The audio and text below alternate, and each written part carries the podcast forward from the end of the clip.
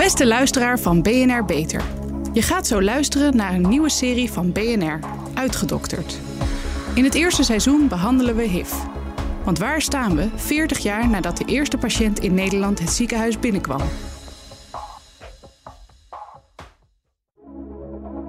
Ik heb altijd gezegd, HIV gaan we genezen in mijn uh, levenstijd. Nou, die zit er hopelijk nog niet op, want het duurt nog wel even voordat we echt een genezing hebben voor iedereen. Het goede nieuws is wel dat er al een aantal mensen van HIV genezen zijn. Weet je nog hoe het begon? Een enge, onbekende ziekte kwam in 1982 ons land binnen. Jonge man met bepaalde symptomen. Uh, had bijvoorbeeld schimmel in zijn mond, hij had herpes rond zijn anus, hij had koorts, hij had gezwollen lymfklieren. Achteraf hebben we ook kunnen aantonen dat hij jaren later aan, aan opgeslagen bloedmonsters, dat hij inderdaad met HIV besmet was. Jonge homomannen in de bloei van hun leven werden hard getroffen. Ik werkte eerst in een, in een populaire horecabar. Dat was daar een slagveld. AIDS is een hele grote klap voor de homo-emancipatie. Dus dat heeft het, echt het stigma op homoseksualiteit heel erg vergroot. En de artsen konden niets doen. Kortom, iedereen die aan dat soort uh, onderzoekingen meedeed, ging uiteindelijk tenslotte toch dood. Dat was echt een periode van wanhoop. Daar zijn we nu heel ver vandaan. AIDS-activisten streden voor hun leven.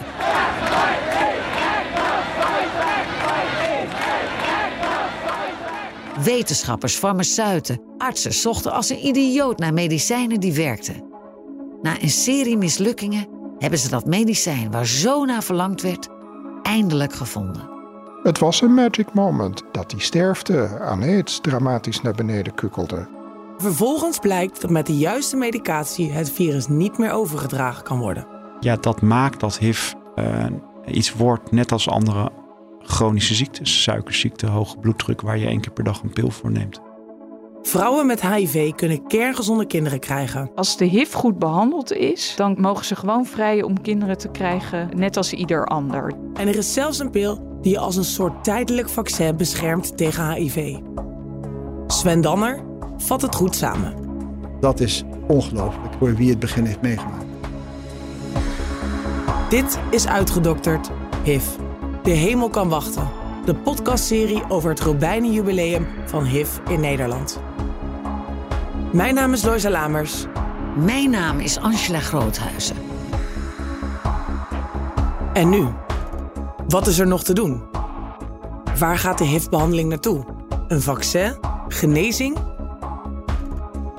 En hoe komen we van dat stigma af dat nog steeds rond HIV hangt? Dit is aflevering 6. Het begin van het einde.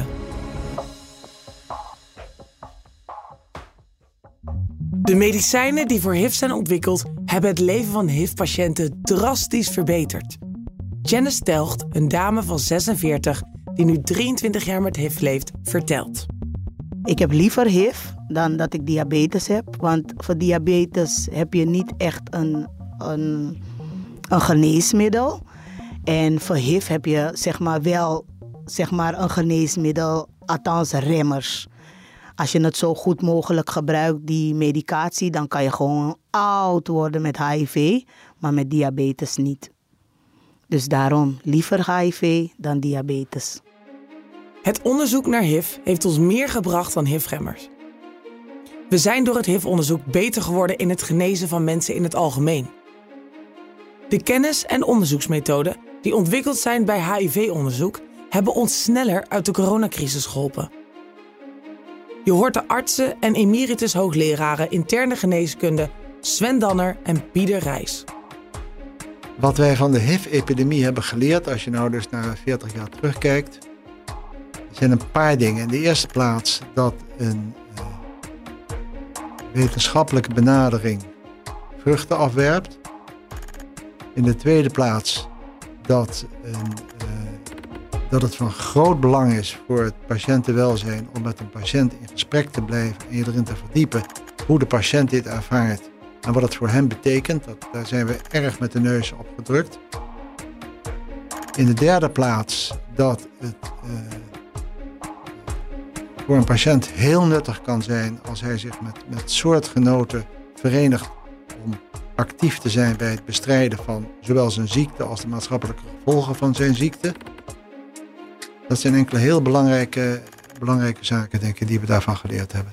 Ja, ik denk dat, dat HIV, alles wat we met HIV geleerd hebben, en dan bedoel ik echt alles, heeft zeker invloed gehad op ehm, eh, de behandeling, de preventie, de zorg rond andere ziektes. Ehm, heel recent, heel pregnant voorbeeld is de coronapandemie. Waarbij het natuurlijk ook, weliswaar een ander virus, maar je hebt het over een virusinfectie. Ehm, wat mij betreft virologisch gezien simpeler dan, dan HIV. Ehm, omdat het ook, het muteert wel, maar veel minder snel dan bijvoorbeeld HIV. maar je moet je realiseren dat, ook al is er voor HIV nog geen vaccin, de, de, de medische kennis die ook ontwikkeld is, bijvoorbeeld uh, in het werken richting een HIV-vaccin. Het hoe doe je klinische trials wereldwijd? Hoe ontwerp je die clinical trials? Hoe kun je bepaalde clinical trials versnellen? Uh, dat is heel veel kennis die ontwikkeld is door die 40 jaar um, bestuderen van HIV. Zowel in het laboratorium als bijvoorbeeld aan de klinische trialkant. De grote vaccintrials die nu met corona gedaan zijn, wereldwijd, bijvoorbeeld in Afrika en Latijns-Amerika, zijn gedaan in netwerken die, om, die grotendeels met Amerikaans geld opgezet zijn voor het doen van HIV-klinische trials. Heel veel van de mensen die die trials, corona-trials hebben uitgevoerd, ken ik, zijn mijn collega's, internationale collega's uit het HIV-veld. Het hele ontwerp van die trials, de brains die daarachter zitten, is allemaal voor een heel groot deel mensen vanuit het HIV-veld. De één echte grote doorbraak waar iedereen nog op zit te wachten, is een werkzaam vaccin. En dat is er nog niet. Daar wordt vreselijk hard aan gewerkt. Maar het grote probleem is dat uh, die enorme mutatiebereidheid van het virus nou, en als jij dan een vaccin maakt wat goed tegen dat virus werkt, eh, werkt dat tegen het virus van je buurman, maar niet tegen het virus wat eh, een buurman twee huizen verderop heeft, bij wijze van spreken. Nou, en je moet dus hele breed werkzame antistoffen zien op te wekken. En dat is kennelijk nog een hele grote klus, want het is nog altijd zo dat de eerste die een echt goed vaccin heeft, de eerste industrie die dat weet te ontwikkelen, die is natuurlijk ook uh, commercieel gezien wel binnen. Want daar wil dan de hele westerse wereld gebruik van maken. Nog mooier zou het zijn als we HIV helemaal kunnen genezen. En dat is dus al gelukt voor vier patiënten. In 2008 werd de eerste patiënt genezen van HIV. De Britse Timothy Ray Brown kreeg een stamceltransplantatie waarbij zijn gehele afweersysteem werd vervangen. My blood's been tested by many, many agencies. I've had two colonoscopies and they've to test to see if they could find HIV in my um, my colon, and they haven't been able to find any. De stamcellen die hij had gekregen hadden een zeer zeldzame eigenschap. Ze waren ongevoelig voor HIV. Na Timothy Ray Brown zijn nog drie patiënten op diezelfde wijze genezen. Nu zou je denken, dan heb je toch een doorbraak van je welste. Hup, al die patiënten aan een stamceldonatie en klaar. Maar dat ligt dus een stuk ingewikkelder, zegt Anne Wensing. Zij is de hoofdonderzoeker van dit stamcelonderzoek en viroloog aan het UMC Utrecht. Er zijn vier mensen genezen met een stamceltransplantatie. dus dat is een beenmergtransplantatie. Er zijn wel een aantal andere mensen die HIV eh, onder controle hebben. En, en zonder medicatie.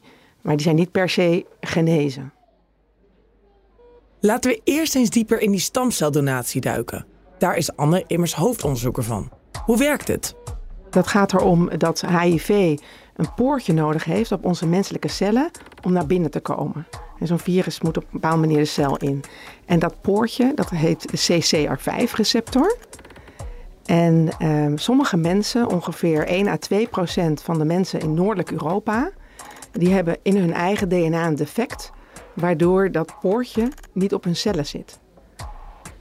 En uh, bij een stamceltransplantatie uh, vervang je de immuuncellen van een persoon.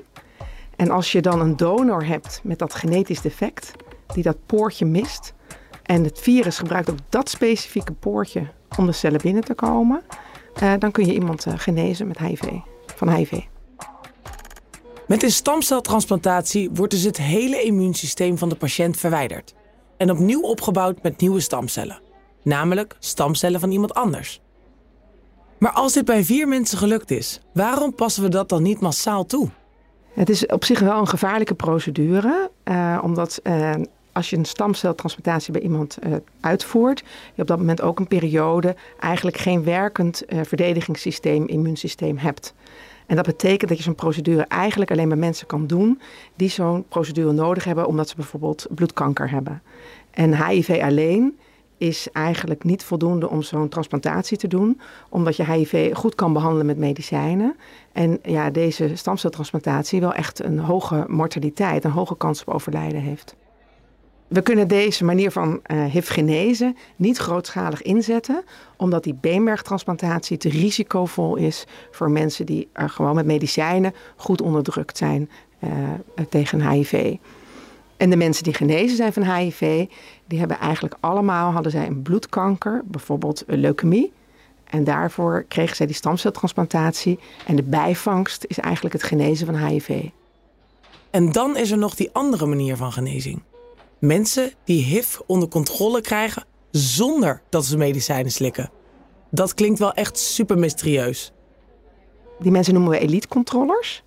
En um, die mensen hebben eigenlijk zo'n sterk immuunsysteem dat uh, eh, HIV zich niet kan vermenigvuldigen, omdat het immuunsysteem alle virusdeeltjes wegvangt. Uh, die mensen zijn niet genezen, want als we echt in hun cellen krijgen, in hun menselijke cellen, zien we wel dat HIV nog ingebouwd is en vaak ook intact. Ja, dat begrijpen we helaas nog niet goed. Uh, we weten wel dat er bepaalde antistoffen zijn die HIV zo goed kunnen controleren dat je dus geen actieve virusvermenigvuldiging meer hebt. En er zijn dit soort antistoffen, uh, heeft men ook eh, toegediend aan apen. En daar zijn drie apen ook mee echt genezen van HIV. Dus er is wel een idee of we misschien deze antistoffen zouden kunnen gaan toedienen aan mensen. Dat is zeker meer belovend voor een grotere groep mensen. Wat we alleen heel goed geleerd hebben bij het stamcelonderzoek. En hè, daar is de genezing echt gelukt. En hebben we, kunnen we ook heel goed zien waar HIV uh, het snelst verdwijnt, waar het langzaam verdwijnt. Waar zit het precies, het HIV? Dus we leren heel veel van dat stamcelonderzoek voor die andere toepassingen van genezing. Reine Foppe, die nu voorzitter is van de HIV-vereniging. We zijn van ver gekomen in die 40 jaar. Hè? Van een doodsvonnis is het geworden tot een aandoening waar je gewoon goed mee kunt leven. Daar staan we ook voor. Daar moeten we naartoe. Niet alleen naar nul nieuwe infecties, maar ook dat iedereen er goed mee kan leven. We hebben nieuwe medicijnen gekregen. We kunnen het niet meer overdragen. Uh, baby's, er kan borstvoeding aangegeven worden. We werken hard voor PrEP. Dat is waar we ons voor inzetten. Voor een goed leven voor iedereen die leeft met HIV en het voorkomen van nieuwe infecties. Wat er nodig is, is uh, PrEP voor iedereen die dat wil hebben. Als het aan hoogleraar HIV-behandeling Mark van der Valk ligt, kunnen we binnen 5 tot 10 jaar naar nul. Daarnaast moet er veel vaker getest worden op HIV uh, bij HIV-indicatorziektes. Dus ziektes die vaker voorkomen bij mensen die HIV hebben. Um, en als we dat uh, doen en mensen ook voorlichten om zich te laten testen als ze denken dat ze risico hebben gelopen. Samen met al die andere tools die we al hebben, maakt dat wij een van de landen zijn waar we, denk ik, in de komende vijf tot tien jaar echt naar nul nieuwe infecties in Nederland kunnen gaan. Tot er een vaccin of genezing is en we HIV echt de wereld uit kunnen helpen, hebben we voorlopig nog 38,4 miljoen mensen met HIV in de wereld. Mark Vermeulen, directeur van AIDS Nederland, vindt dat Nederland bij uitstek een rol moet spelen om ook andere landen te helpen met het bestrijden van dit virus. Een andere uitdaging voor de toekomst is het dat het ontzettend mooi is dat we in Nederland naar, nu echt naar nul nieuwe HIV-infecties gaan. En er is echt nog wel iets te doen, maar we doen het als land ontzettend goed. Maar ik denk dat we daarmee ook echt iets in de wereld te brengen hebben. En dat doen we vanuit AIDS-fonds ook. Uh, en als je dan realiseert dat er vorig jaar nog 670.000 mensen zijn overleden aan de gevolgen van AIDS. Uh, dat er nog ieder jaar anderhalf miljoen mensen in de wereld een HIV-infectie oplopen. Uh, dan hebben we daar ook echt nog iets te doen. En dan hebben we vanuit Nederland ook echt iets te doen. Want we hebben die kennis, we hebben hebben de know-how. Wij zijn een land wat makkelijk praat over moeilijke onderwerpen. Uh, en ik denk dat dat ook voor ons in de toekomst, als het gaat over HIV en Nederland, dat wij als Nederland nog meer te brengen hebben in die internationale strijd. Om niet alleen te zorgen dat in Nederland HIV uh, dadelijk iets is waar je goed mee kan leven en wat misschien echt tot een einde komt, maar dat we daar wereldwijd ook een bijdrage gaan leveren. Want als er iets is wat we geleerd hebben van de coronacrisis, is dat ziektes zich niet aan landsgrenzen houden. Dus zolang HIV in de wereld rondwaart, zullen er mensen in Nederland zijn of komen die HIV hebben. Ook Janice Telgt, die je aan het begin van deze uitzending hoorde, weet hier alles van. Zij werkt namelijk zowel in Nederland als in Suriname aan het verbreken van het taboe rondom HIV. Tegen alle mensen in de wereld zou ze willen zeggen: Doorbreek alle taboes die er om jullie heen zijn. Um, leef gewoon voor jezelf. En ja, laat niemand je niks wijsmaken. Je leeft op den duur toch voor jezelf. En het enige wat ik zou echt, echt, echt vanuit mijn hart zou willen, is dat echt de taboe doorbroken wordt. En dat geen enkele iemand gewezen wordt of besproken wordt.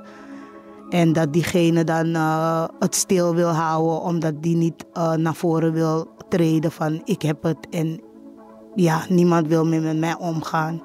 Ik wil gewoon die taboe doorbreken door heel de wereld. We zijn in 40 jaar van heel ver gekomen. Het was eerst een, een doodsvonnis. En op een gegeven moment hadden we medicijnen die ons in staat stelden om, om goed te leven. Maar ja, dat waren ook tijden dat we geen huis konden kopen. We kwamen niet in aanmerking voor een hypotheek. Maar we zijn nu gelijkwaardig voor de wet. We dragen het niet over als we onze medicijnen slikken. We krijgen gezonde kinderen die we zelfs borstvoeding kunnen geven. Van heel ver gekomen. We moeten ervoor waken dat kwetsbare mensen niet te dupe worden van dit succes. Er zijn nog steeds heel veel mensen met HIV in Nederland. Die hebben goede zorg nodig. Iedereen moet die toegang hebben tot die goede medicatie. Iedereen verdient de goede zorg en aandacht die we nu hebben. Dit was uitgedokterd. HIV. De hemel kan wachten. De podcast over het Robijnen Jubileum van HIV in Nederland. Deze onafhankelijke journalistieke productie is gemaakt door BNR Nieuwsradio. Mogelijk gemaakt door VIV. De sponsor heeft geen invloed op de inhoud en de sprekers in deze podcast. Redactie Sterre ten Houten de Lange. Bijgestaan door Emma Wouters. Montage en eindmixage Wesley Schouwenaars. Muziek Klaas Olijnsma. Eindredactie Bendy Beenakker. Je hoorde Anne Wensing, Sven Danner, Janice Telgt, Reina Foppe, Pieter Rijs, Mark van der Valk en Mark Vermeulen. Dank aan iedereen die aan deze podcast heeft meegewerkt. Deze podcast wordt mede mogelijk gemaakt door Vief Healthcare. Vief Healthcare. Totdat HIV en AIDS er niet meer zijn.